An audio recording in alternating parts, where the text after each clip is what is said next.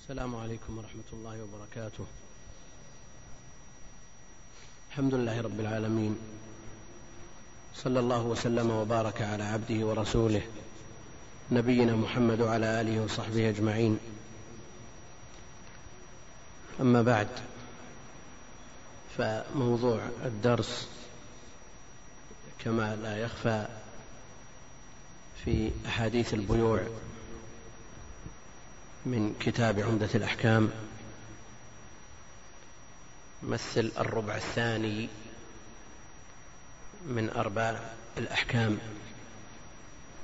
والكتاب في أحاديث الأحكام لأن كتب الأحكام سواء كانت فقهية أو حديثية بنيت على أربعة أرباع. الربع الأول للعبادات والثاني للمعاملات والثالث للأنكحة وما يتعلق بها مما يسميه المتأخرون الأحوال الشخصية والربع الرابع في الأقضية والجنايات على هذا يبني أهل العلم كتب الأحكام سواء كانت فقهية أو حديثية. والكتاب مختصر من المتون المختصرة التي دونت في العصور المتوسطة. قد كان التدوين عند أهل الحديث مبني على الإسناد وذكر الطرق للأحاديث. تنوعت المؤلفات عند المتقدمين وإن كان يجمعها ما ذكرت من ذكر الأسانيد والطرق. وإن تنوعت أهداف أربابها وأصحابها فمما ألف عند المتقدمين الجوامع التي تجمع ما يحتاج إليه المسلم في جميع أبواب الدين كالبخاري ومسلم وجامع أبي عيسى الترمذي وغيرها من الجوامع التي تجمع أبواب الدين مرتبة ومنها المصنفات والسنن والموطئات وهذه متقاربة في ترتيبها إلا أن السنن عمدتها الأحاديث المرفوعة والمصنفات يكثر في مؤلفوها من ذكر الموقوفات والآثار إضافة إلى ذكر ما يحتاج إليه من المرفوع. وأما الموطئات ففيها شوب من السنن والمصنفات فيكثر فيها المؤلف من ذكر أقوال المؤلف من ذكر أقواله هو كموطأ الإمام مالك. كتب الأحكام صورة مصغرة للسنن لأن الهمم قد قصرت وفترت عن التطاول على الكتب المسندة المشتملة على المكررات. وضعفت الهمم فاحتاج الناس إلى الاختصار فحذفوا الأسانيد والتكرار من أجل أن يحفظ طلاب العلم ما يستطيعون حفظه من هذه الكتب. استمر الناس على هذه المختصرات حفظا ودراسة إقراء وقراءة دراسة وتدريسا. حتى دب اليأس إلى قلوب كثير من المتعلمين بالنسبة لحفظ الكتب المسندة لاعتمادهم وتوارثهم هذه الجواد المطروقة عند أهل العلم. من المتون المشتهرة عند أهل العلم في كل فن من الفنون. ومن ذلكم الحديث. فصار يندر أن يذكر في ترجمة عالم من أهل العلم أن يقال حفظ البخاري أو مسلم أو سنة أبي داود أو الترمذي فضلا عن مسند أحمد. انبعثت الهمم من جديد فصار الناس يحفظون وجدوا الأمر ليس بالمستحيل.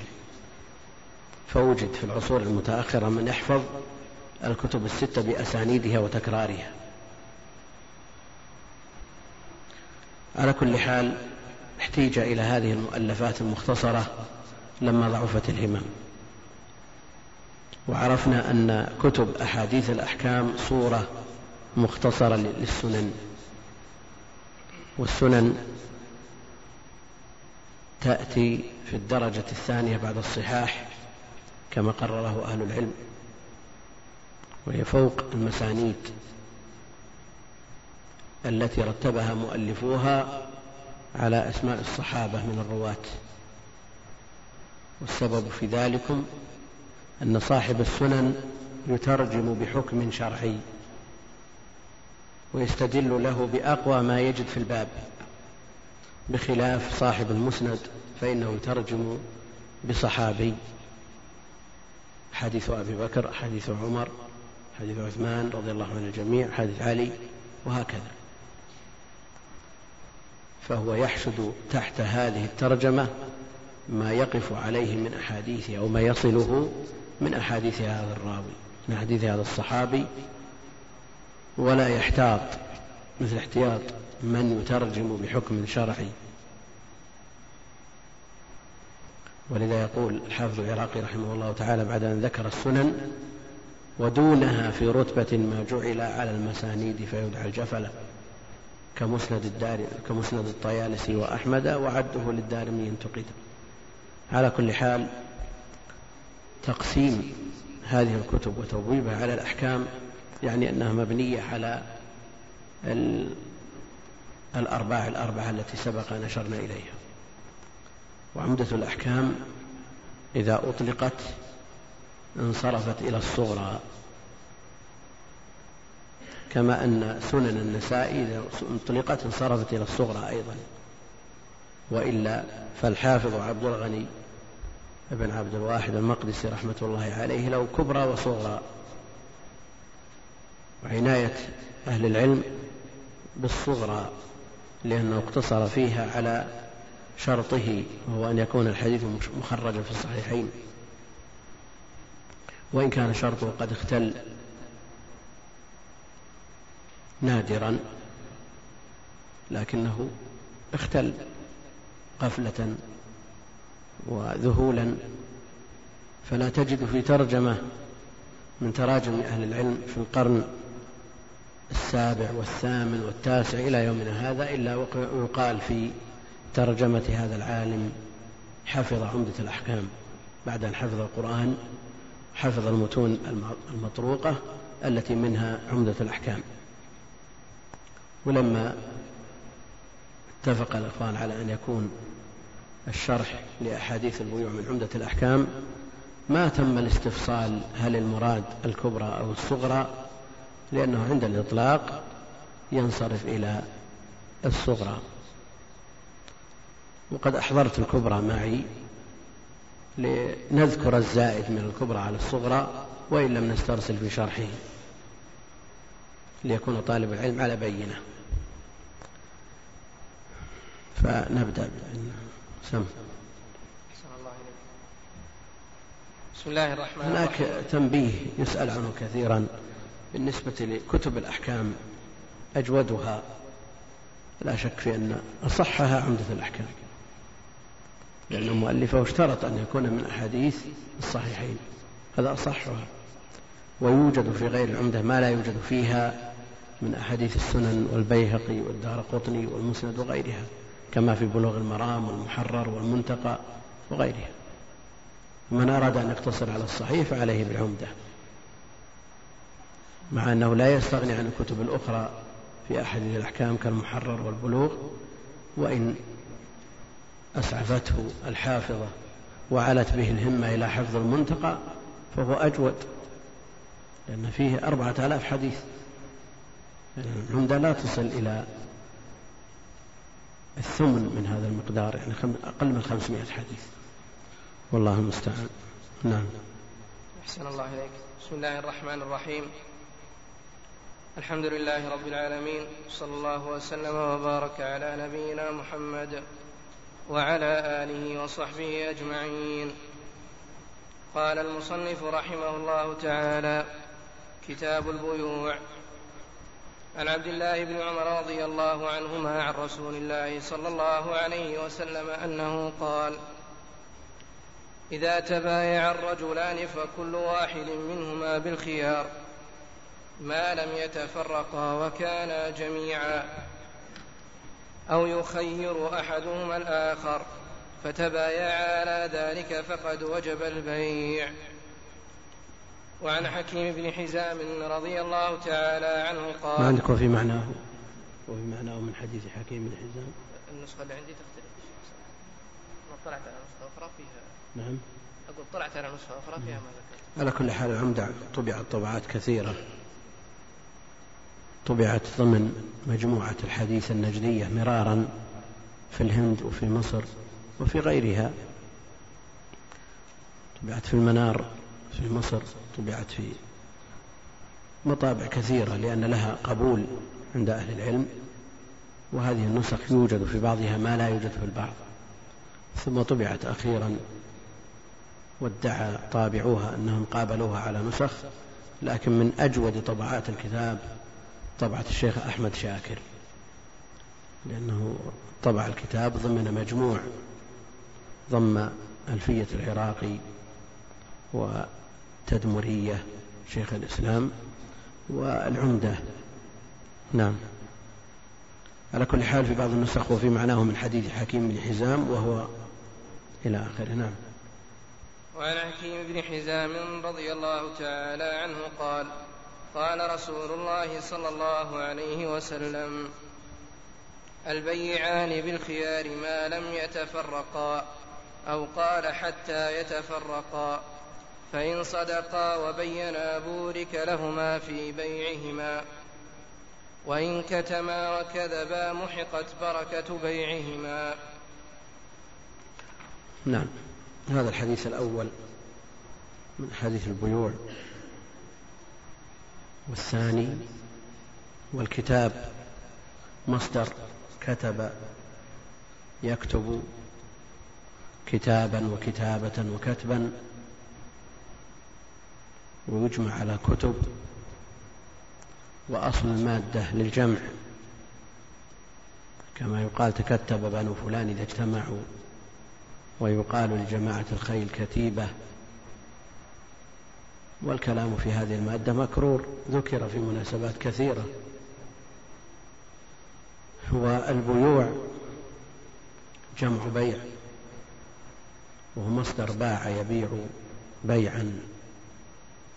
والبيع يشمل النوع الواحد والأنواع إلا أنه جمع هنا لتعدد أنواعه. وإن كان البيع المصدر يشمل الواحد والاثنين والثلاثة والأربعة.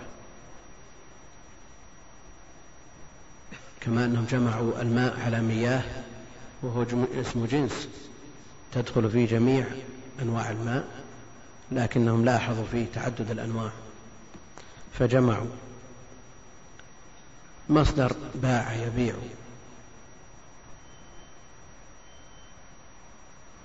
منهم من يقول إنه مأخوذ من الباع من الباع لأن كل واحد من المتبايعين يمد باعه للآخر لإبرام الصفقة اولا ولذا سميت صفقه ولأخذ المشتري السلعة والبائع القيمة. كل واحد منهما يمد باعه. وعرفنا أن البيع مصدر. وهل يمكن أن يؤخذ المصدر من غيره؟ أو المصدر هو الأصل الذي يشتق منه؟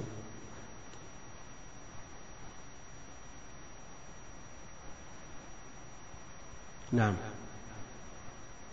المصدر أصل ولا فرع؟ أصل. وكونه أصلا لهذين انتخب. كيف يقولون مأخوذ من الباع؟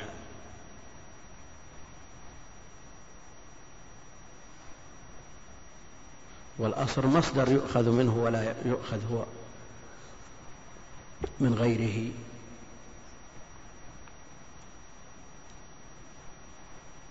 يمكن؟ نعم. يطلق على اليد وهي أصل الباع يطلق على اليد لكن البيع. قلنا إن البيع مصدر والمصدر أصل لجميع المشتقات. والأصل يؤخذ منه. إذا يقول ابن مالك رحمه وكونه أصلا لهذين انتخب يعني للفعل ومشتق. هو الأصل. عند البصريين وإن كان الكوفيون يرون أن الأصل الفعل.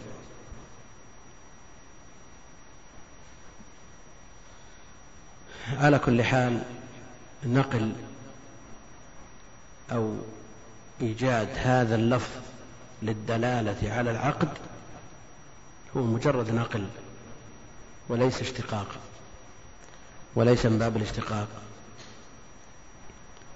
نظير ما يقال في لفظ الجلالة. الله هل هو مشتق أو جامد؟ جمع الغفير من العلم يقولون مشتق. مستدرك عليهم بأن الله سبحانه وتعالى سابق على كل شيء فمما اشتق. يقال إن هذا من حيث الأوزان والأبنية العربية مشتق. وإن كان الله سبحانه وتعالى واللفظ علم على الذات الإلهية لم يسبقه شيء. البيع عرف بأنه مبادلة مال بمال. مبادلة مال بمال.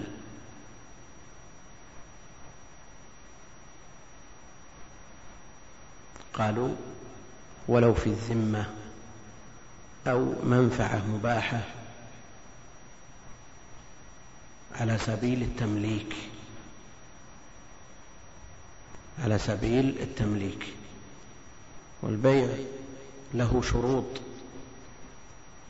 لا يصح بدونها. وفيه شروط. له شروط وفيه شروط. وفرق بين شروط البيع والشروط في البيع. ويأتي التنبيه عليها من خلال الأحاديث اللاحقة.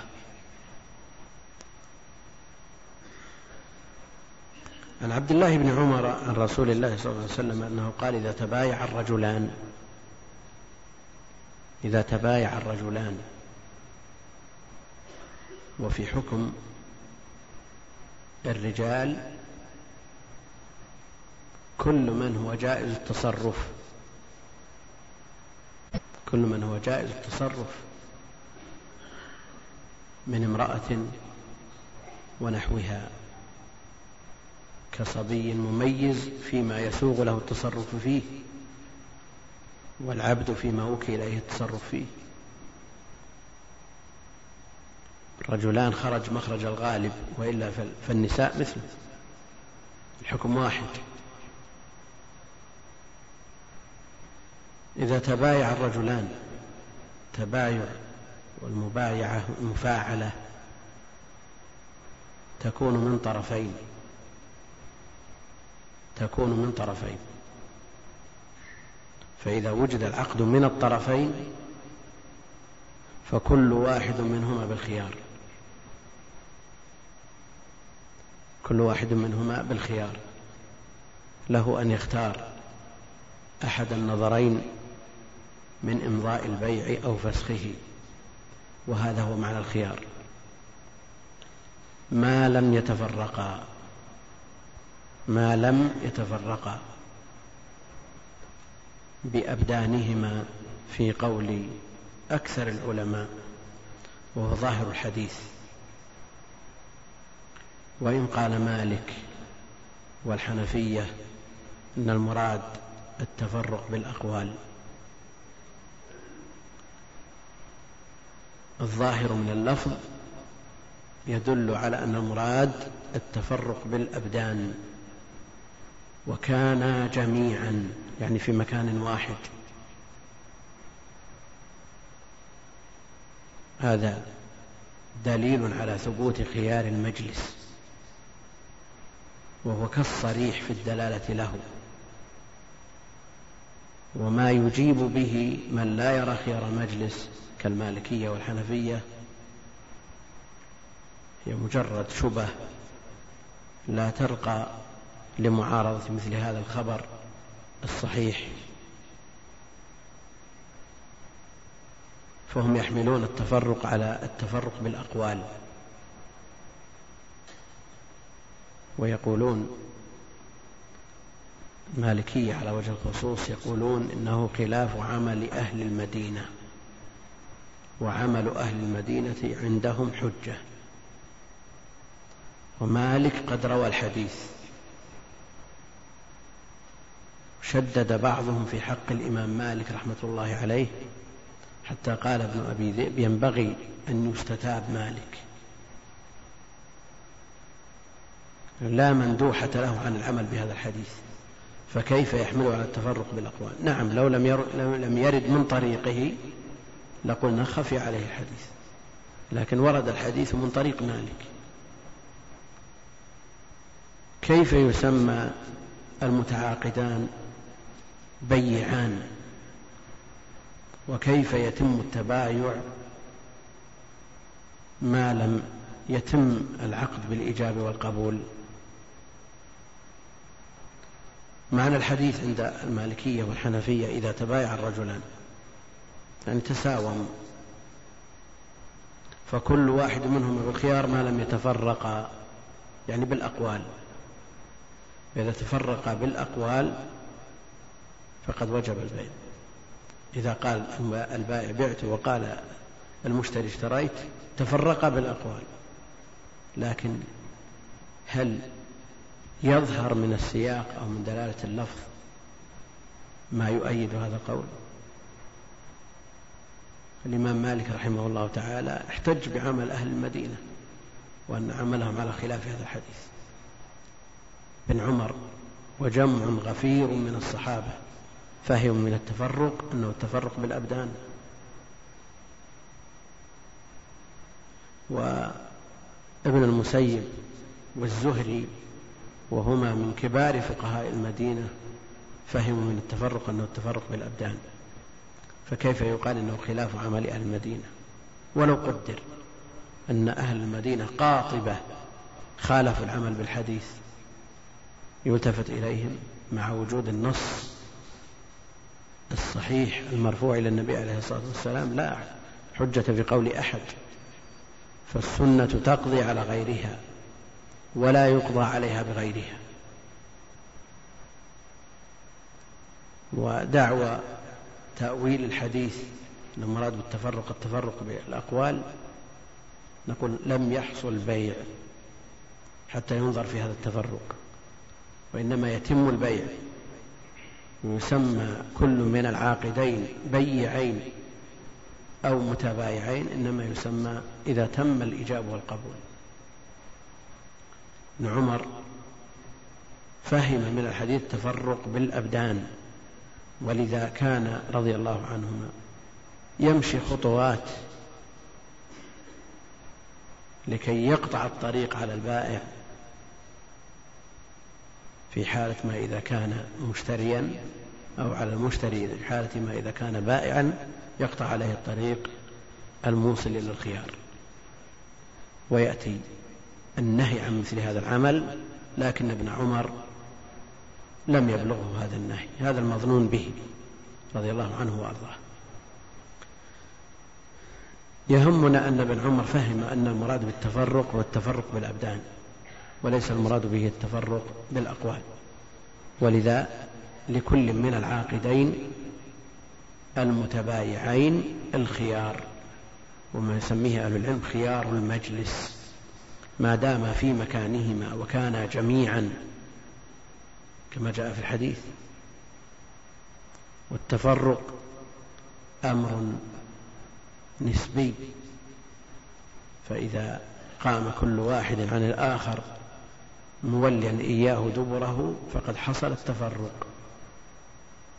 وإن كان في بيت فخروج أحدهما تفرق. وإن كان البيت ذو أدوار ذا أدوار فطلوع أحدهما أو نزول أحدهما إلى دور آخر يسمى تفرق وإن لم يخرج عن البيت. إذا كان في برية فإذا قام أحدهما وترك المجلس فإنه يعد تفرق وحينئذ يلزم البيع. وليس لأحدهما مندوحة وليس لأحدهما إبطال البيع إلا بالإقالة. هذا نوع من أنواع الخيار خيار المجلس. النوع الثاني أو يخير أحدهما الآخر. أو يخير أحدهما الآخر بإسكان الراء. وهو المعروف بخيار الشرط. إذا اشترط أحدهما الخيار. أو اشترط أحدهما على أن لا خيار له أو لغيره. فالأمر حينئذ لا يعدوهما. لو اشترط البائع أن له الخيار ثلاثا له ذلك. اشترط المشتري له الخيار ثلاثا له ذلك دون صاحبه. اشترط أحدهما على أن لا خيار له من الآن. يثبت البيع قبل التفرق ويبقى الخيار لصاحبه خيار المجلس. إذا اتفق على أن لا خيار لأحدهما من تمام العقد الأمر لا يعدوهما. فتبايع على ذلك فقد وجب البيع. فقد وجب البيع يعني لزم. وحينئذ تترتب الآثار على هذا البيع بمعنى أن السلعة تنتقل إلى ملك المشتري والقيمة تنتقل إلى ملك البائع ويتصرف كل واحد منها بما انتقل إليه تصرفا مطلقا. وإن تفرق في تكملة الحديث وهذا موجود في الكبرى دون الصغرى وذكرت أني أشير إلى الزيادات التي في الكبرى لنجمع الفائدة من الكتابين. وإن تفرقا بعد أن تبايعا ولم يترك واحد منهما البيع فقد وجب البيع. هذا تأكيد. منطوق هذا الكلام تأكيد لمفهوم أول الحديث.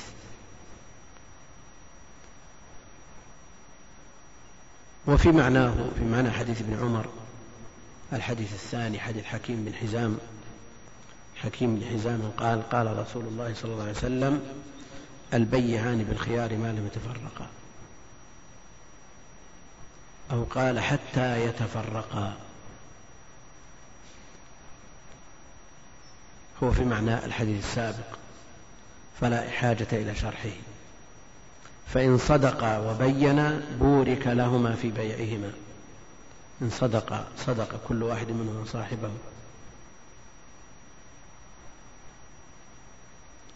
فصدق البائع في بيان الصورة الكاملة للسلعة وما فيها من محاسن ترغب المشتري وما فيها من عيوب.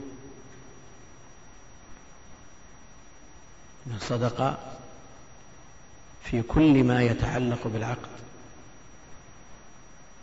السلعة وما يرغب فيها وما ينفر عنها وفي القيمة كما وكيفا. فالمشتري يبين ما في نقوده من عيب. لما كانت النقود الدراهم والدنانير يدخلها ما يدخلها. كالسلع فلا بد حينئذ من البيان من قبل المشتري. إذا حصل البيان والصدق حصلت البركة. حصلت البركة. والبركة شيء محسوس وملحوظ بين الناس. التاجر الصدوق الأمين. لا شك أنه يبارك له في ماله. والقدر اليسير من المال الذي يكسبه بهذه الطريقة ينفعه أكثر مما يكسب من أضعافه بالطرق الأخرى. والناس يعتمدون هذا الرجل الصادق الذي ينصح لهم ويقبلون عليه وينفرون من ضده. كثير من الناس يذهب إلى التاجر الصادق وإن كانت سلعته أغلى من غيرها وأكثر قيمة بينما ينفرون من المخادع الغشاش وإن عرض السلع بأقل من غيره. شواهد الأحوال كثيرة على هذا. فالقدر والعدد ليس بعبرة. هذا موجود في جميع الأعمال الموظف الذي يؤدي عمله على وجه المطلوب. تجد في دخله من البركة ما لا تجده في من هو أكثر منه في الدخل إذا لم يكن مخلصا نفسه مبرئا لذمته. وكم سمعنا ونسمع في الدوائر الحكومية من المستخدمين وصغار الموظفين ممن يقرض الكبار ويداينهم هذا موجود. والسبب في ذلك الحرص على براءة الذمة في الأعمال. والله المستعان. فإن صدقا وبينا بورك لهما في بيعهما. وإن كتما وكذبا محقت بركة بيعهما. كم من شخص يبيع الأموال الطائلة في اليوم الواحد ومع ذلك لا يستفيد من هذه الأموال. وإن كثرت عنده الأموال. لأنه ليس العبرة بكثرة العرض وليس الغنى هو مجرد كثرة العرض كما جاء في الحديث الصحيح. الغنى غنى النفس.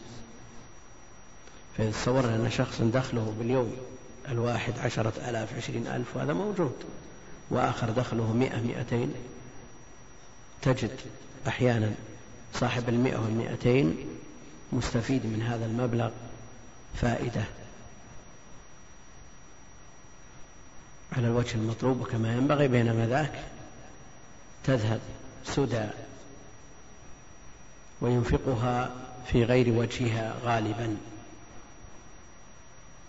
والسبب الصدق والحرص على براءة الذمة وعدم كم من شخص له من الأموال والأرصدة ما يستفيد منه البنوك وقد حرم منه صاحبه. كم من شخص له الملايين في البنوك. هذا وإن كان المبلغ موجود لكنه محروم من بركته لا يستفيد منه. إن أراد أن يأكل هو محجوب. إن أراد أن يتزوج ما يستطيع. إن أراد أن ينفق يده مقبوضة. نسأل الله السلامة والعافية. وقل مثل هذا في بركة البدن. كم من شخص تضيع عليه الأوقات سدى لا يستفيد من نفسه ولا يستفيد منه غيره ومن الناس. ولا يقال الآن الأوقات ما فيها بركة ولا ما لا هذا يختلف من شخص إلى شخص. يعني يعرف من الشباب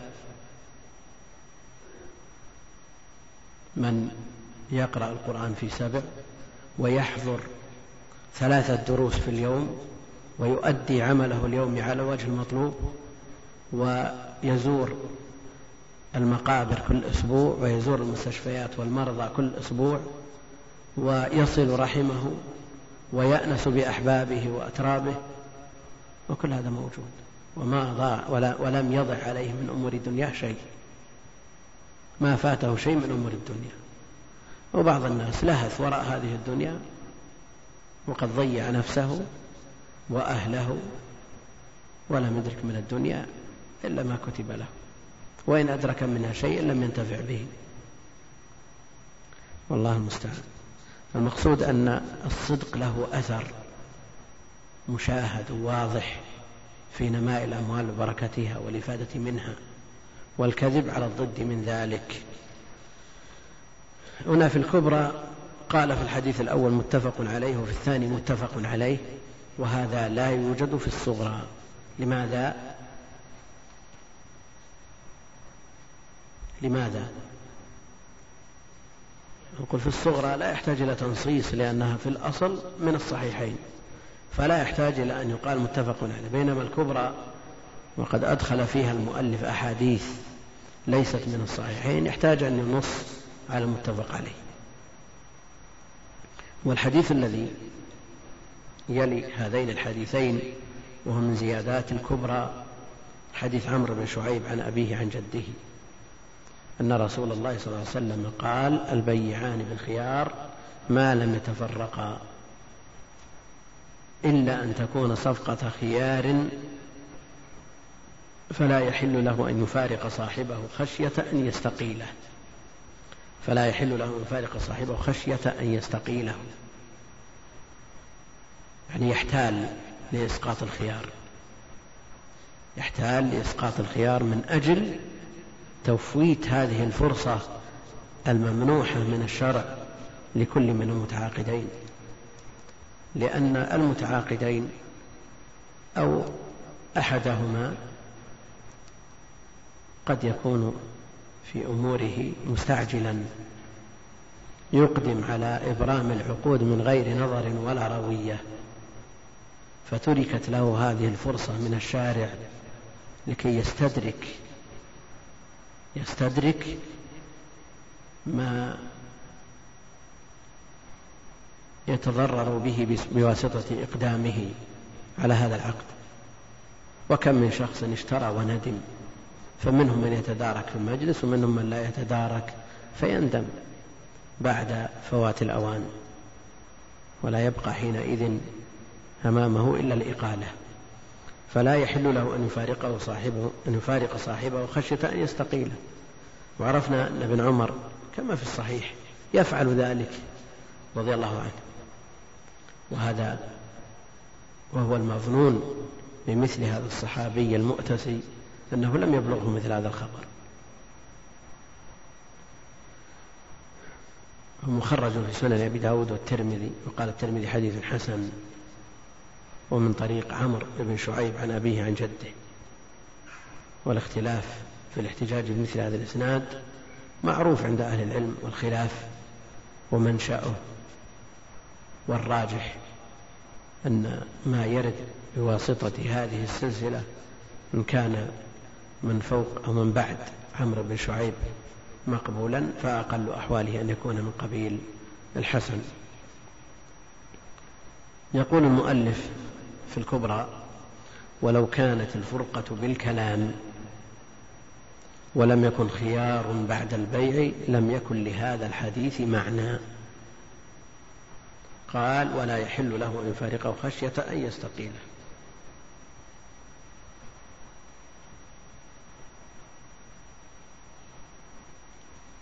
هذا كلام الحافظ عبد الغني في الكبرى وقريب منه كلام الترمذي في السنن.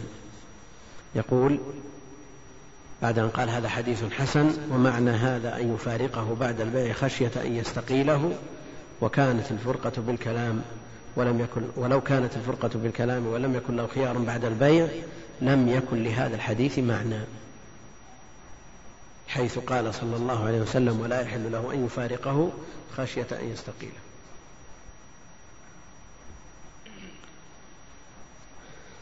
نعم. سم أحسن الله إليك. باب ما نهي عنه من البيوع. عن أبي سعيد الخدري رضي الله تعالى عنه أن رسول الله صلى الله عليه وسلم نهى عن المنابذة وهي طرح الرجل ثوبه بالبيع إلى الرجل, إلى الرجل قبل أن يقلبه أو ينظر إليه ونهى عن الملامسة والملامسة لمس الثوب لا ينظر إليه. وعن أبي هريرة رضي الله تعالى عنه أن رسول الله صلى الله عليه وسلم قال لا تلقوا الركبان ولا يبع بعضكم على بيع بعض.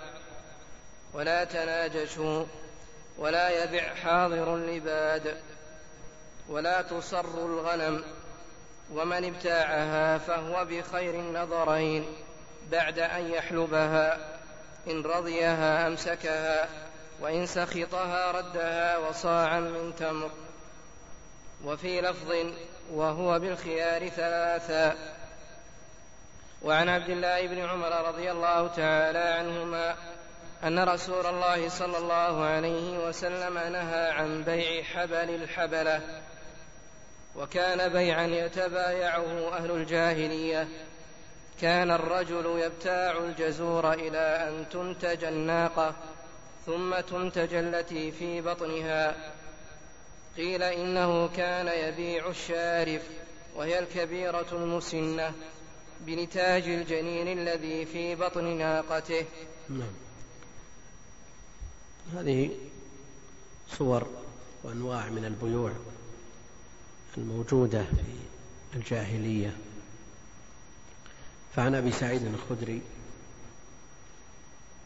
رضي الله عنه أن رسول الله صلى الله عليه وسلم نهى عن المنابذة وهي طرح الرجل ثوبه بالبيع إلى الرجل قبل أن يقلبه. هذا أولى ما قيل في تفسير المنابذة. ويكون حينئذ الطرح قائم مقام الإجابة والقبول.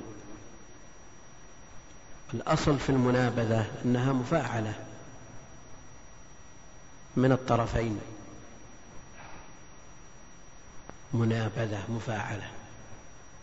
فكأن البائع ينبذ الثوب ويطرحه إلى المشتري والنبذ أيضا يحصل من المشتري بنبذ القيمة إلى البائع. وكل منهما لا يقلب ما نبذه إليه صاحبه. الثوب ملفوف فينبذه إلى المشتري. والدراهم في صرة ينبذها إلى البائع. هذا الأصل في المنابذة لأنها مفاعلة. والمفاعلة في الأصل تكون من طرفين.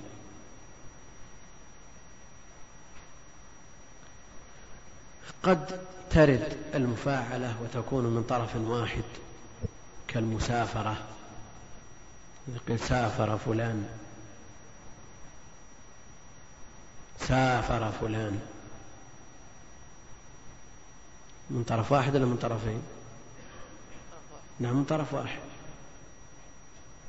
المطارقة. طارق زيد النعل من طرف واحد. ليس معنى هذا أنه يطرق النعل والنعل يطرقه لا. من طرف واحد. وهذا على خلاف الأصل. وفسرت هنا المنابذة. طرح الرجل ثوبه ببيعه إلى الرجل قبل أن يقلبه أو ينظر إليه. فعلى هذا التفسير هي من طرف واحد. وهو البائع. والسبب في النهي الغرر والجهالة من شروط البيع أن يكون بعد أن ذكروا كون العاقد جائز التصرف أن تكون العين المباعة السلعة معلومة برؤية أو صفة. برؤية أو صفة. وهنا السلعة غير معلومة غير مروي مرئية. الثوب مطوي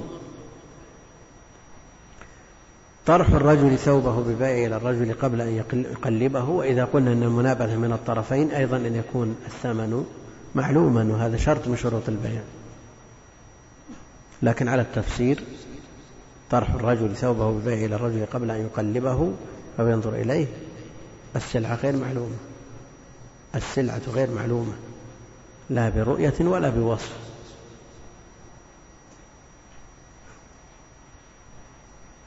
فاختل شرط من شروط البيع للغرر والجهالة ونهى عن الملامسة. والملامسة ولمس الثوب لا ينظر إليه. أي ثوب لمسته فهو عليك بكذا. والثياب ملفوفة وموضوعة في الأدراج. يلمس الأول الثاني الثالث ما يدري عن صفته. فلا بد أن تكون السلعة معلومة. وهذان النوعان من بيوع الجاهلية. وهما محرمان اتفاقا لوجود الغرر والجهالة. فسرت المنابذة ببيع الحصاة الوارد في بعض النصوص. وهي أي ثوب أو أي رأس من الغنم أو الإبل أو البقر تنبذ إليه هذه الحصاة وتقع عليه فهو عليك بكذا. والجهالة والغرر موجودة. ونهى عن الملامسة والملامسة لمس الثوب لا ينظر إليه. هذا التفسير يحتمل أن يكون مرفوع إلى النبي عليه الصلاة والسلام وحينئذ يتعين المصير إليه. لأنه لا قول لأحد مع قوله عليه الصلاة والسلام. وأولى ما يفسر به قوله بقوله عليه الصلاة والسلام. وإذا كان من الراوي الصحابي فيمن دونه فالصحابة أعرف من غيرهم بمدلولات الألفاظ فيغلب على الظن أن أنه هو الموافق لمراد النبي عليه الصلاة والسلام. وإن كان حديث رب مبلغ أوعى من سامع. يعني أنه قد يأتي من المتأخرين من يفهم مراد النبي عليه الصلاة والسلام أكثر من فهم المتقدم. لكن رب للتقليل رب للتقليل وإلا فالأصل أن مدلولات الألفاظ الشرعية أعرف الناس بها من عاصر النبي عليه الصلاة والسلام وعرف المقاصد من نصوص الوحيين هم أعرف الناس وأدرى الناس بذلك. وعلى كل حال إذا كان التفسير من قوله عليه الصلاة والسلام فلا مندوحة لأحد من العمل به. وإن كان من أحد الرواة فلا شك أنهم أولى من غيرهم لكن يبقى للنظر مجال. للنظر مجال.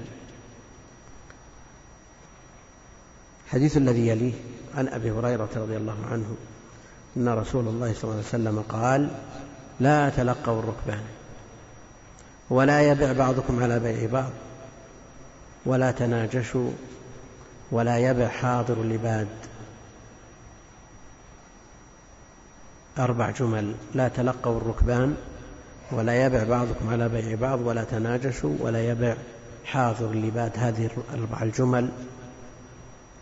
مروية من طرق كثيرة عن أبي هريرة وعن ابن عمر وغيرهم. وهي مروية على نسق في المسند من طريق الإمام أحمد عن الشافعي عن مالك عن ابن عمر. عن مالك عن نافع عن ابن عمر. بأصح الأسانيد.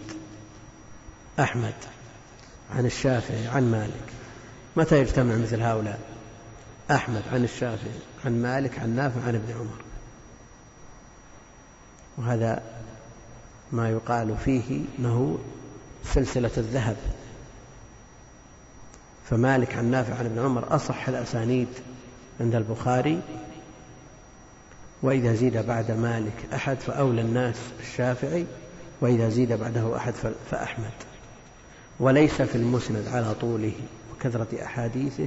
حديث يروى بهذا الإسناد إلا هذا الحديث. توجد رواية أحمد عن الشافعي لكن عن غير مالك وقد توجد عن مالك لكن عن غير نافع وهكذا. لكن هذه السلسلة مجتمعة لا توجد إلا في هذا الحديث. هذا حديث أبي هريرة. أن رسول الله صلى الله عليه وسلم قال لا تلقوا الركبان.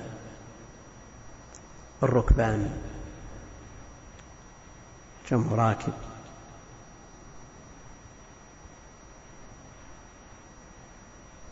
ويقال ركب أيضا جمع راكب كصحب وصاحب.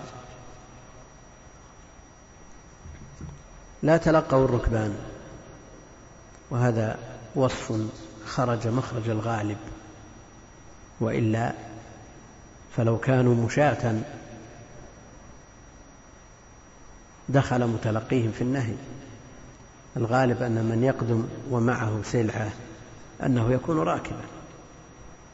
يقدم على البلد من بلد آخر أو من البرية. في الغالب أنه يكون راكب. لكن إذا كان ماشيا على قدميه.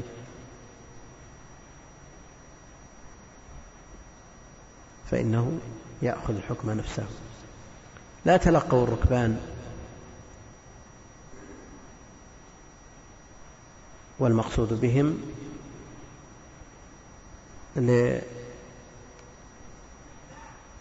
بيع السلع التي يحملونها وجاءوا بها إلى البلد. والمنظور له أمران. الأول نفس الركبان. فلا يتلقى الركبان فيغروا بقيمة لا تناسب السلع التي يحملونها هذا جاهل بسعر البلد هذا الراكب القادم جاهل بسعر البلد. فإذا تلقي من خارج البلد كيف يعرف أن هذه السلعة تستحق كذا من الثمن؟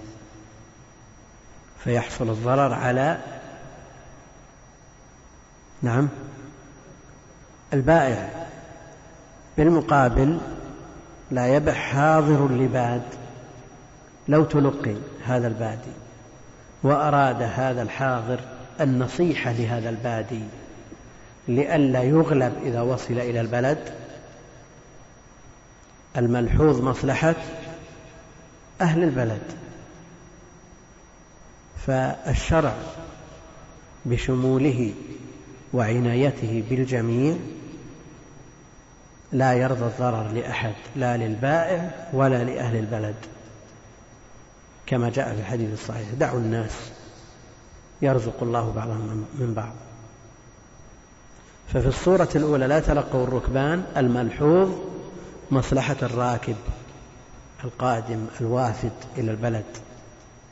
يترك حتى يصل ويدخل البلد ويبيع بما تستحقه سلعته ويستفيد فلا يغر بالتلقي. ويشمل في ذلك في عموم اللفظ ما الناس بحاجة إليه وما لا حاجة لهم به. بعض الناس يقول إذا كان الناس بحاجة إلى هذه السلعة منع وإذا كان لم يكونوا بحاجة لم يمنع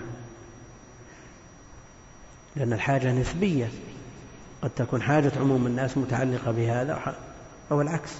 عموم الناس لا يحتاجون هذا الأمر لكن قد يحتاجه شخص. فيترك الناس يرزق الله بعضهم من بعض.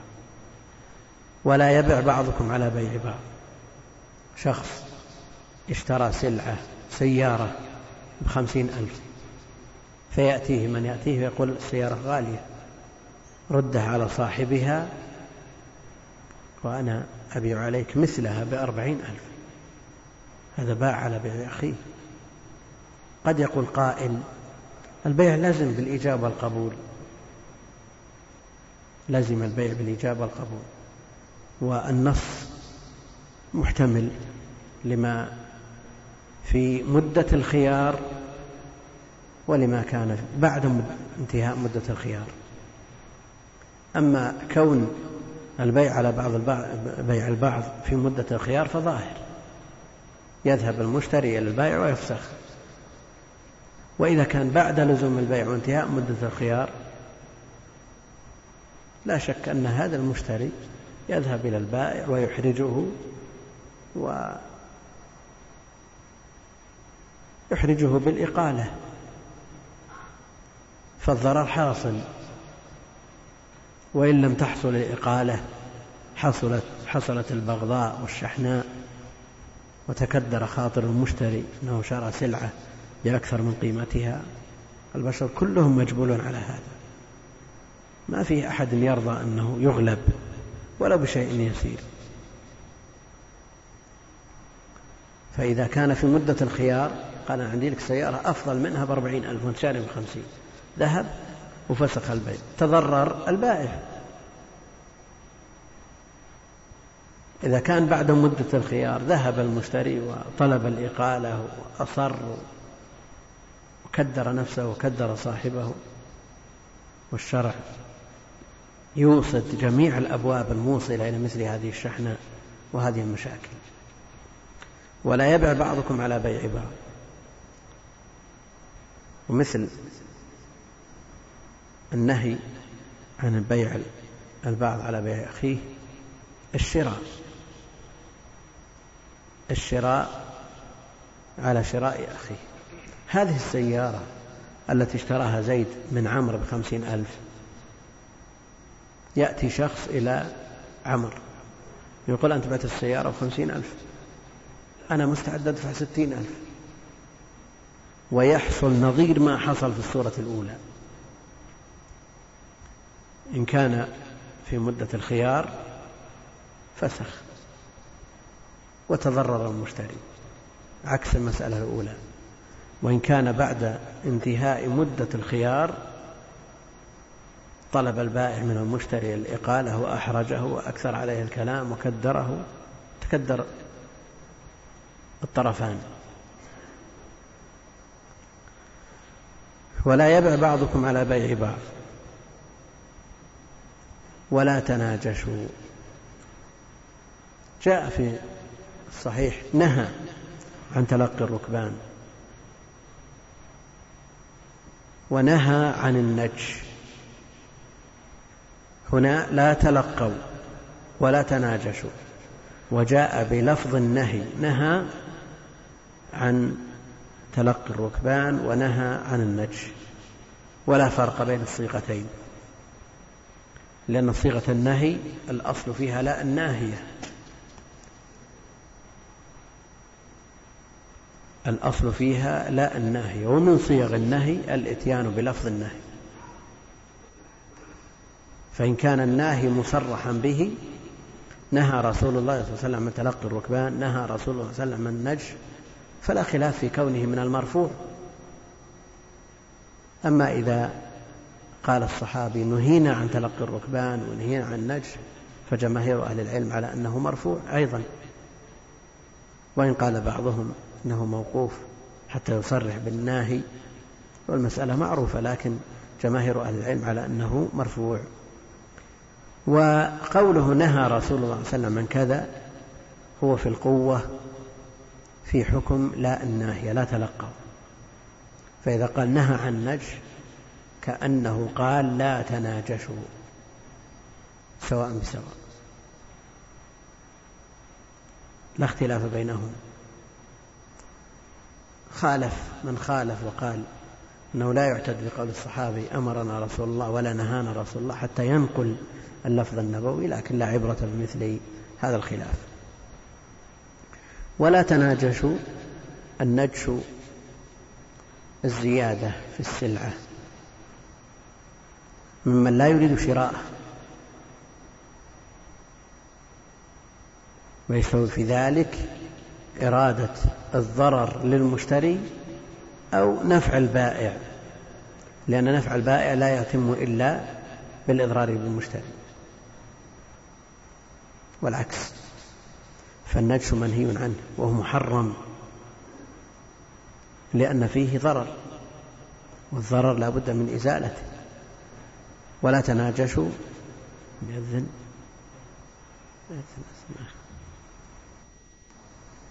في حديث أبي هريرة أن رسول الله صلى الله عليه وسلم قال لا تلقوا الركبان. وعرفنا المراد بالتلقي والمراد بالركبان بيع على البيع البعض والنجش والمراد به الزيادة. في السلعة ممن لا يريد شراءها ويستوي في ذلك إرادة نفع البائع أو ضرر المشتري لأن هذا لا يحصل إلا بهذا. ولا يبع حاضر لباد الحاضر ساكن القرى والأمصار والبادي ساكن البادية لا يبع حاضر لباد سئل ابن عباس قال لا يكون له سمسارا لا يكون دلال يترك البادي هذا ليبيع لنفسه ليستفيد من ورائه أهل البلد. لأنه إذا باع الحاضر للبادي ما ترك فرصة لأهل البلد. ولا تسر الغنم. مراد بالتصرية حبس اللبن في ضرع الغنم وفي حكمها الإبل والبقر. مما وغيرها مما يقصد لبنه. تصر الغنم. وهل هذا خاص ببهيمة الأنعام؟ أو يشمل كل ذات لبن ولو لم يكن اللبن مباحا للآدمي؟ لو شخص سراءتان الأنثى من الحمر وباعها في السوق وضرعها كبير لأنها سريت. يؤثر ولا ما يؤثر؟ يؤثر لماذا؟ قد يقول قائل هذا اللبن مآله إلى كونه صر لبن الأتان والأتان معروفة أنثى الحمار. الآن التصرية في لبن الإبل والبقر والغنم ظاهر هذا لأنه يستفيد منها الإنسان ويستفيد منها ولدها. كونها تجلب من السوق وضرعها كبير لا شك أن هذا يغرر بالمشتري يغرر بالمشتري الذي يظن أنها ذات لبن كثير وواقعها أقل من ذلك. فهل يسري المنع إلى غيرها من الحيوانات ذوات الألبان؟ ولو لم يكن لبنها مشروبا من قبل الآدمي كالأتان مثلا. النص ورد في الغنم. وجاء التنصيص على الإبل أيضا. وفي حكم الإبل والغنم البقر. لكن لقلتها في الحجاز ما جاء التنصيص عليها. وهي داخلة في الحكم والمعنى واحد. وأما تصرية غيرها من الدواب لا شك أنه قرر وجهالة لكن كونها تصرى يعني مقصد لبعض الناس كون البائع يربط أخلافها لكي تظهر بالمظهر المناسب المغرر بالمشتري يدل على أن هذه التصرية لها أثر. فيعد الحكم من هذه الحيثية. ونفعها وإن لم يكن للآدمي فهو لنسلها قد يكون نسلها مقصد عند المشتري حينما كانت الحمر هي وسائل النقل. ولا تصر الغنم والمقصود بالتصرية حبس اللبن في الضرع بأن تربط أخلافها فتظهر بمظهر كثيرة اللبن وواقعها أقل من ذلك. هذا نهي للبائع عن أن يصنع مثل ذلك تغييرا للمشترين. ومن ابتاعها يعني اشتراها فهو بخير النظرين يعني له الخيار. إن شاء أمضى البيع وإن شاء رد. هو بخير النظرين بعد أن يحلبها. ويتبين له حقيقة الحال إن رضيها أمسكها. أمسكها لأن الأمر لا يعدوه اشترى سلعة على أساس أنها على مستوى من الجودة فبانت أقل فرضي بذلك. الأمر لا يعدوه وإثم البائع عليه يتحمله. وإن سخطها يعني لم يرضها المشتري ردها رد هذه الدابة من الغنم أو الإبل والبقر وصاعا من تمر. ردها وصاعا. يجوز العطف على ضمير النصب المتصل من غير فاصل كما هنا بخلاف ضمير الرفع. وإن سخطها ردها وصاعا من تمر يعني ورد صاعا من تمر في مقابل اللبن الذي ثاب واجتمع في ملك البائع. أما اللبن الذي ثاب واجتمع بعد الشراء فإنه في مقابل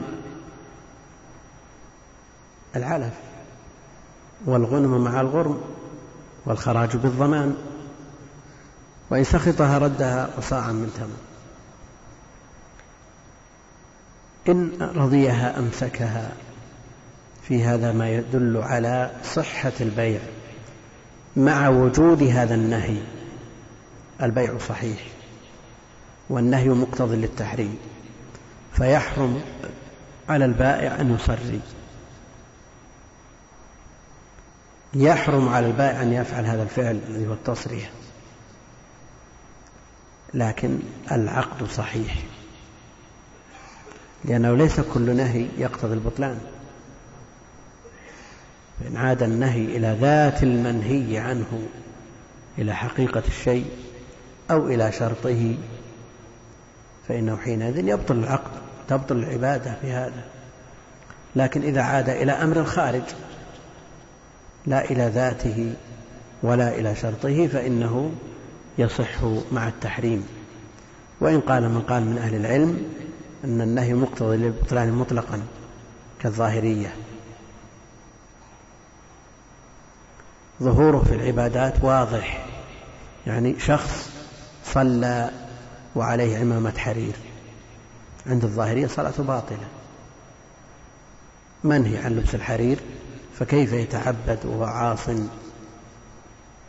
لكن جمهور أهل العلم على أن صلاته صحيحة والجهة منفكة لأن النهي عاد إلى أمر خارج عن الذات والشرط وهنا عاد النهي إلى أمر خارج.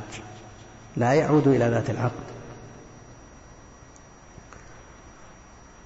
ويدل على ذلك إن رضيها أمسكها. دل على صحة العقد وإن سخطها ردها وصاعا من تمر. هذا الحكم في المسرات. أن المشتري بالخيار. لكن هل للبائع الخيار؟ حصلت التصرية من البائع. هذه الناقة سريت ثلاثة أيام وثاب في ضرعها عشر لترات من اللبن وهي في الحقيقة لا يجتمع في اليوم إلا لتر أو لترين. نعم. فاشتراها زيد من الناس فاحتلبها فتبين أنها مصرات. كون الخيار للمشتري ظاهر بالنص وهو الذي يقتضيه المعنى أيضا. لو جاء شخص للبائع قال أنت فعلت ما فعلت. وأنت بعت هذه الناقة بألفين ثلاثة أشتريها بأربعة. نقول له الخيار الخيار أثبت للمشتري لأنه غر بالتصريح. لكن هل الخيار يثبت للطرف الثاني؟ أو نقول لزم البيع بشروطه وتم العقد وليس لك حق. والخيار إنما هو لطرف واحد. وإن سخطها ردها وصاعا من تمر وفي لفظ وهو بالخيار ثلاثا وهو يعني المشتري أقرب مذكور. لا تلقوا الركبان.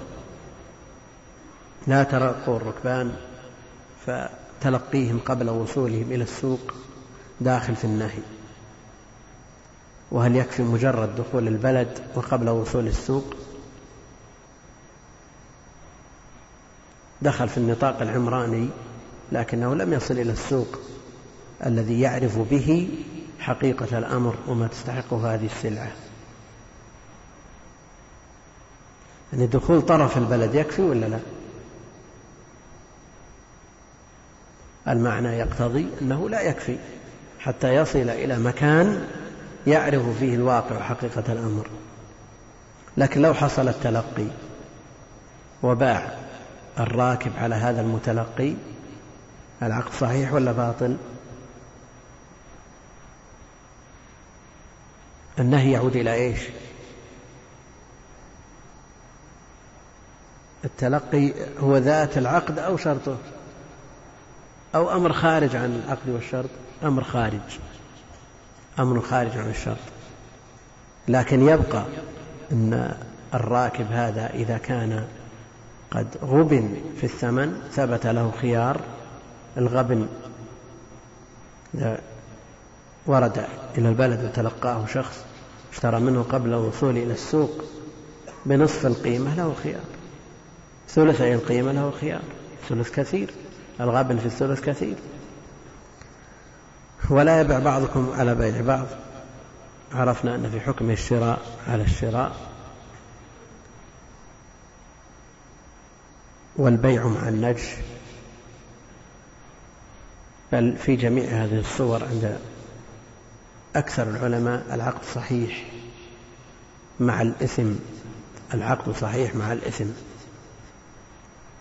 ومن أدل الأدلة على ذلك إن رضيها أمسكها وإن سخطها ردها مع ثبوت هذا النهي لأن النهي عاد إلى أمر الخارج. كم باقي؟ من الوقت كم باقي؟ من الإقامة باقي خمس. شوف لنا سؤالين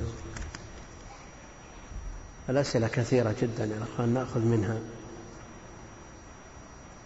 يقول هل أدعي أدعو يعني على من غشني؟ وقد سألته عن السلعة فمدحها وعندما تفرقنا اتضح أنه غشني فيها حيث أخذ مبلغا كبيرا عليها ولم أجده بعدها.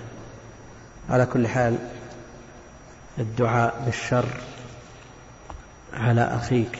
المسلم هو جهر بالسوء من القول. والله سبحانه وتعالى لا يحب الجهر بالسوء من القول إلا من ظلم وأنت حينئذ مظلوم لك أن تدعو عليه بقدر مظلمتك. لكن إن تركت الحق ليقتص منه في الآخرة فهو أعظم لأجرك وإن أبحته وأعفيته من هذا الغش من أثر هذا الغش فهو أعظم وأعظم للأجر. ما لم يترتب على ذلك استرسال منه للغش. يعني بعض الناس إذا ترك زاد شره فمثل هذا لا ينبغي أن يترك. إذا تبين أنه يغش يحاسب ويبحث عنه ويوقف عند حده. يقول هو رجل مصاب في قدمه فهل يعذر عن الحج حيث أنه آه، لا يستطيع أن يسير مسافة طويلة؟ على كل حال إذا كان هو أعرف بنفسه وإذا كانت إصابته تعوقه عن أداء الأركان استيفاء الشروط والواجبات فهو معذور. يقول دخلت المسجد والناس يصلون صلاة الظهر وقد فاتني ركعة فأحرمت معهم ثم سهى الإمام وأتى بركعة خامسة لهم ورابعة لي فهل علي أن آتي بركعة أخرى مع أنني صليت أربعا الأصل أنه إذا زاد خامسة لا تجوز متابعته لا ممن أدرك الصلاة كاملة ولا ممن فاته شيء من الصلاة. هذا بالنسبة لمن يعلم. والغالب أنه يعلم حتى المسبوق يعرف ترتيب الركعات فلا تجوز متابعته وإذا توبع على ذلك فهذه الركعة باطلة لا يدرك بها شيء تعتبر لاغية باطلة من من تابعه عمدا بطلت صلاته هو عالم أنها زيادة تعمد ذلك تبطل صلاته فيعيد الصلاة من جديد. الجاهل يعفى عنه لجهله وعلى هذا السائل الذي أتى بثلاث ركعات مع الإمام وتابعه في الركعة الزائدة عليه أن يأتي بركعة وإذا طال الفصل عليه أن يعيد الصلاة.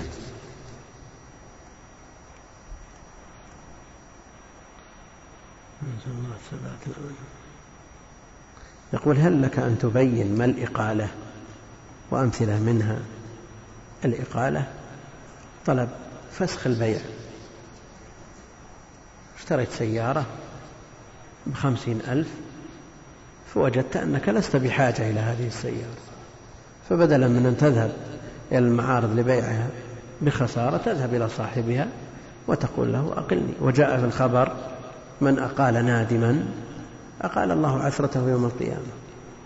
تذهب إلى صاحبها فتطلب منه أن يفسخ البيع. ومثله البائع إذا تبين أن له حاجة ماسة إلى هذه السلعة وأن بيعها يترتب عليه ضرر بالنسبة له يستقيل المشتري وهكذا. هذا يطلب حث الحاضرين على التبرع لصالح حلقات التحفيظ في هذا الجانب. لا شك أن تعليم القرآن وتعلمه من أفضل الأعمال. خيركم من تعلم القرآن وعلمه فالذي لا يستطيع أن يعلم بنفسه يستطيع أن يعلم بماله.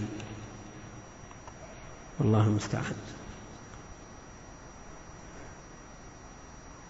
يقول نرجو توضيح مسألة هل يثبت الخيار للبائع في بيع المسرات؟ لا يثبت له آه، الخيار لأنه لم يحصل له غرر ولا جهالة ولا أي شيء يستدعي الخيار.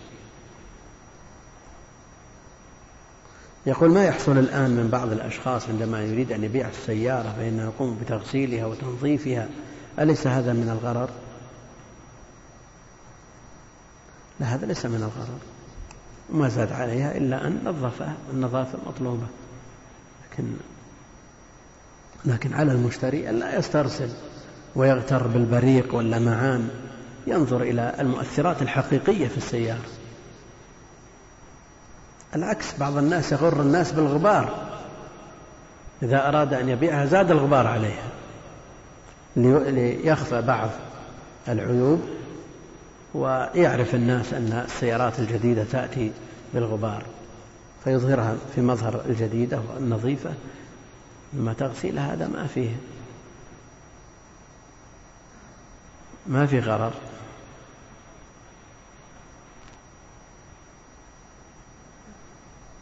هذا يسأل عن فتح المغيث السخاوي هو جاري طبعه الآن إن شاء الله تعالى. يقول زيادة بعض الروايات ألفاظا عن الرواية الأخرى هل يعني أن النبي عليه الصلاة والسلام قاله بألفاظ متعددة؟ زيادة بعض الألفاظ. قد يكون الحديث واحد لكن حافظ بعض الرواة ما لم يحفظه الآخر فروى هذه الزيادة. وقد يحفظ هذا الراوي مثل ما يحفظه غيره وينسى بعض الجمل ويوردها غيره. يقول قول بعض البائع السلعة أمامك أو على النظر أو نحو ذلك بحيث لا يذكر عيوب السلعة المباعة في حكم فما حكمه؟ وذكر عيوب كثيرة في السلعة شيء منها وشيء منها هذا تغرير كونه يعرف العيوب لا بد من بيانها. العيوب الظاهرة لا تحتاج إلى بيان. العيوب الظاهرة. لا تحتاج إلى بيان. لكن إن بين فهو من تمام النصح وزيادة في البركة. أما العيوب الخفية التي لا يدركها إلا أهل الخبرة التامة هذه لا بد من بيانها. بعض الناس يذكر عيوب في السلعة ويضيف إليها عيوب ليست حقيقية. فإذا قال السيارة تبي غير وتبي مكينة وتبي وتبي وهي ما تبي إلا واحد من هذه الأمور بحيث إذا فحصها المشتري وشاف أنها ما تبي غير قال أكيد أنها ما تبي مكينة بعد. بس هذا من زود الورع يذكر هذه الأمور. لا يجوز له ذلك. لا يجوز له أن يغرر هذا من أساليب التغرير. إذا يقول إذا اشترى الإنسان سلعة عن طريق الإنترنت أو الهاتف فكيف يكون التفرق في هذا البيع؟ التفرق بمغادرة المكان بمغادرة المكان. يقول ما تعليقكم على عقود البيع التي تبرمها البنوك مع راغب الشراء للحصول على المال أو على العقار أو السيارات خاصة أن بعضها لديها هيئة شرعية وهل التعامل معهم جائز أم لا؟ إذا عرف من هذا الشخص أو من هذه الجهة أنها تتعامل بالمعاملات الربوية والمحرمة أو فيها عقود ممنوعة في الشرع فالتعاون معهم إذا وجد غيرهم. لا شك أنه تعاون على الإثم والعدوان. أما إذا لم يوجد غيرهم فالإنسان لا بد أن يقضي حاجته. والنبي عليه الصلاة والسلام تعامل مع اليهود وهم يتعاملون بالربا. باع واشترى ورهن اقترض. المقصود النبي عليه الصلاة والسلام حيث لم يجد غيرهم لم يجد غيرهم تعامل معهم. وإلا فالأصل التعاون على البر والتقوى. تعامل مع شخص يستفيد من هذا المال فائدة على الوجه المشروع. أما شخص يستفيد من هذا المال الذي أعنته به على معصية الله مثل هذا التعاون على الإثم والعدوان لكن إذا لم تجد غيرهم واستوفت العقود الشروط الشرعية وانتفت الموانع وتوفرت حينئذ لا مانع من التعامل معه. فإذا كان البنك مالك للسلعة التي يريد بيعها عليك. وأنت تريد هذه السلعة بعينها أو تريد قيمتها على سبيل التورق فجماهير أهل العلم. إذا كان البائع الأصلي مالك لهذه السلعة اشتريتها أنت وقبضتها القبض الشرعي المعتبر وحزتها وبعتها بنفسك أو وكلت ثقة يبيعها لك وأخذت قيمتها تبيعها على طرف ثالث لا يبيعها على الطرف الأول.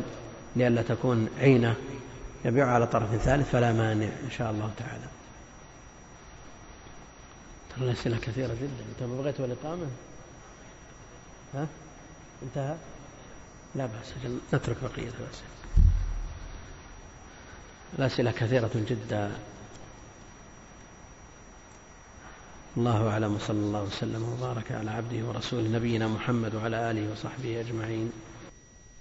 السلام عليكم ورحمة الله وبركاته. الحمد لله رب العالمين وصلى الله وسلم وبارك على عبده ورسوله نبينا محمد وعلى آله وصحبه أجمعين. لدينا مجموعة من الأسئلة كثيرة جدا بقيت من الأسبوع الماضي. نبدأ ببعضها حتى يكتمل عدد الأخوة الذين يحضرون. في البداية هذا تنبيه من أحد الأخوة وله أو لشخص آخر تنبيه نظير له. نظير لهذا التنبيه إلا أن الأول قال خاص. والثاني هذا قالوا أرجو التنبيه لذلك أو التنبيه على ذلك. ولا علاقة له بالدورة لكن يقول هذا طالب التنبيه جزاه الله خير يقول قلتم أمس في شرح مختصر البخاري في الإذاعة يعاتبني قومي بالدين والصحيح أنه بالدين. وجاء تنبيه آخر في الأسبوع الماضي وليس المراد أمس أمس القريب السبت الذي قبله لأن هذه الورقة أرسلت في الأسبوع الماضي. أنا أدركت هذا وعرفت أنها وهي سبقة لسان فقط وعرفت أنه وقع قبل أن يذاع. وطلب من المخرج أن يعدل لكنه وعد بذلك وكأنه نسي. وعلى كل حال الصحيح كما ذكر الإخوة يعاتبني قومي بالدين وليس بالدين.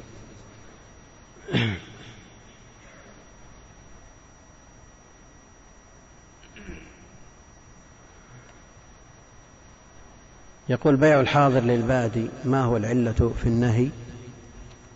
بيع الحاضر للبادي. العلة ملاحظة مصلحة الجماعة وهو أن البادي يأتي ليبيع سلعته بما تستحقه في السوق وقد يحصل لعموم الناس منفعة من هذه السلعة برخص ونحوه مما لا يتضرر به البادي. فإذا تولى الحاضر البيع للبادي واستقصى في قيمتها ولذا قال ابن عباس لا يكون له سمسارا يعني دلال يستقصي القيمة كلها فلا يستفيد الناس من ورائه. فالعلة في ذلك في النهي إفادة الجماعة من سلعة هذا الوارد على البلد كما جاء في الحديث دعوا الناس يرزق الله بعضهم من بعض. مقابله يقابل هذا النهي عن تلقي الركبان لئلا يتضرر هذا الراكب الوافد بتلقيه. فالشارع كما يلاحظ مصلحة الجماعة يلاحظ أيضا مصالح الأفراد. في الشريعة من التوازن ما يجعل الكل على آه، البال. يقول لقد ذكرت في حديث أبي هريرة أن هناك آه، نفس تلقي الركبان ولا مسمع أكثر. على كل حال هو فرع من السؤال الماضي. هو فرع من السؤال الماضي. أنها عن تلقي الركبان لئلا يتضرر هذا الراكب فيتلقاه شخص يشتري منه سلعته بثمن أقل. يقول هناك تاجر لديه سفينة قادمة من خارج المملكة محملة بالبضائع وقبل أن تصل إلى ميناء جدة بيوم جاءته العروض من تجار البلد هل يبيع أم ماذا يفعل؟ هذا ليس براكب ليس بوافد على البلد وإنما هو في البلد هو في السوق موجود وبضاعته قادمة من بعيد فلا يدخل في هذا. يقول إن رضيها أمسكها يعني المصرات وإلا مرضها إلى آخره. يقول لكن الذهاب إليه والبحث عنه يكلفان كثيرا. وكذلك فإن نقل الإبل يكلف مالا ووقتا فهل يتحمل البائع هذا المبلغ أم لا؟ شخص اشترى ناقة مصرات من الرياض مثلا ونقلها في سيارته فورا إلى أقصى الشمال أو أقصى الجنوب ثم بعد ثلاث تبين له أنه أنها مصرات. هل يردها؟ ويتحمل من الخسائر في نقلها أكثر من تحمله من الغرر الناشئ من التصرية. هو أعرف بمصلحته. إذا كان الضرر اللاحق بالسلعة بسبب التصرية أعظم من النقل أجرة النقل يرد. وهو أدرى بمصلحته. وعلى كل أيها الأحبة في الله. ما تبقى من مادة هذا الشريط تتابعونها في الشريط التالي. مع تحيات إخوانكم في تسجيلات الراية الإسلامية بالرياض والسلام عليكم ورحمة الله وبركاته.